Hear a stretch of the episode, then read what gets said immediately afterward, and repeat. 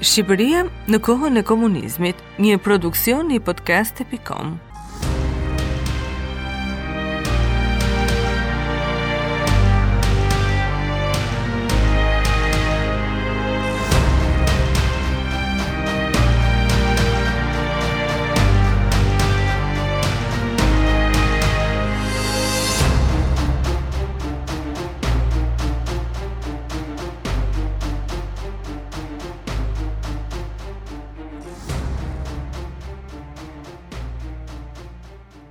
Ndërtimi i bunkerëve pjesa e dytë.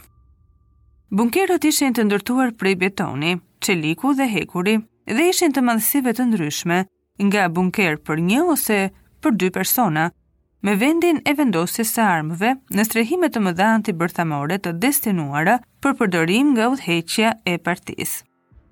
Bunkerët ishin të ndërtuara prej betoni, çeliku dhe hekuri dhe ishin të madhësive të ndryshme, nga bunkerë për një ose për dy persona me vendin e vendosjes së armëve, në strehime të mëdha antibërthamore, të destinuara për t'u përdorur nga udhëheqja e partisë.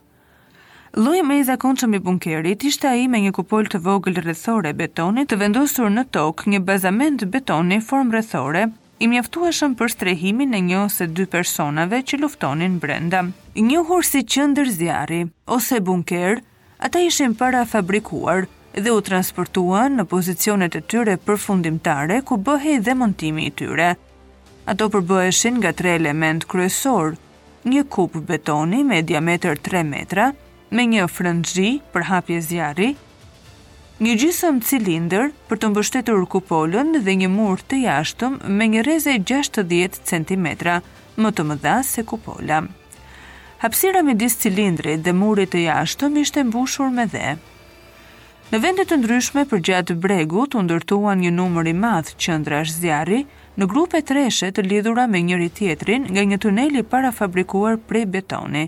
Bunkerët e tjerë ishin ndërtuar të grupuara rreth pikave strategjike në të gjithë vendin ose në linje përgjatë drejtimeve strategjike.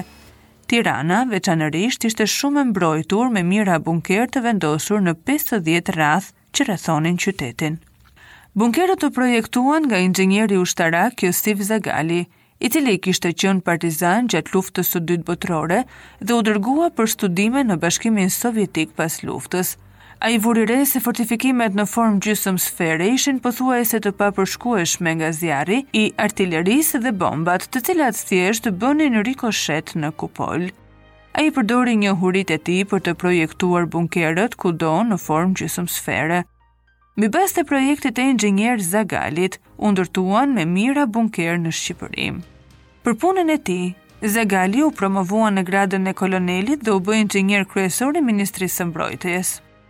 Megjithatë, paranoja e Hoxhës çoi në pastrimin e Zagalit në vitin 1974 dhe u burgos për 8 vjet me akuza të rreme për sabotim si agjent i huaj.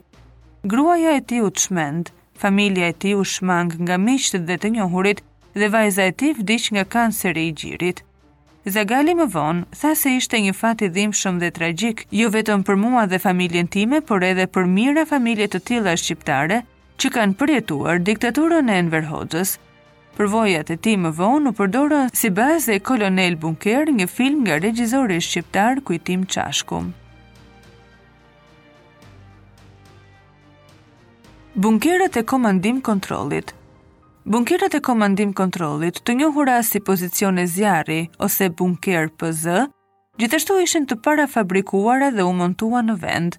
Ata janë shumë më të mëdhenj dhe më të rëndë se bunkerët e qendrës së zjarrit, me një diametër prej 8 metrash, ato janë bërë nga një sërë elementësh betoni ku secili peshon 8 ose 9 ton, të cilat betonoheshin së bashku në vend për të formuar një kupolë të ndërlidhur. Montuar plotësisht ato peshonin 350 deri në 400 ton.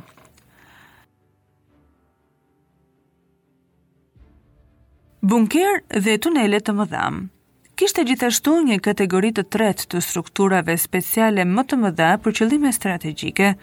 Këto struktura të mëdha ishin komplekse të tuneleve të ndërtuara në male. Në Linzë, pranë kryeqytetit, u ndërtua një rrjet tunelesh rreth 2 kilometra për të mbrojtur anëtarët e Ministrisë së Brendshme dhe Sigurimit të Shtetit nga sulmi bërthamor. Në vende të tjera, mijëra kilometra tunele u ndërtuan për të strehuar pasuritë politike, ushtarake dhe industriale. Shqipëria thuhet se është bërë vendi më i tunelizuar në botë pas Koresë së Veriut. Tunelet u ndërtuan në kushtet e fshehtësisë së madhe.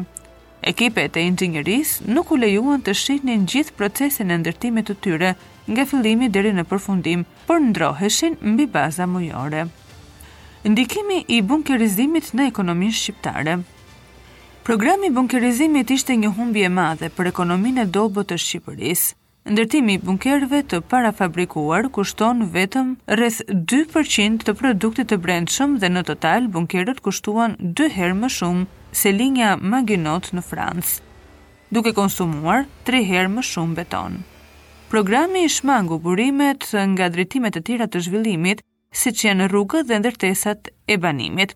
Mesatarisht, thuhet se secili prej tyre ka një kosto ekuivalente me një apartament me dy dhoma dhe burimet e përdorura për ndërtimin e tyre mund të zgjidheshin lehtësisht në mungesë kronike të strehimit të Shqipërisë.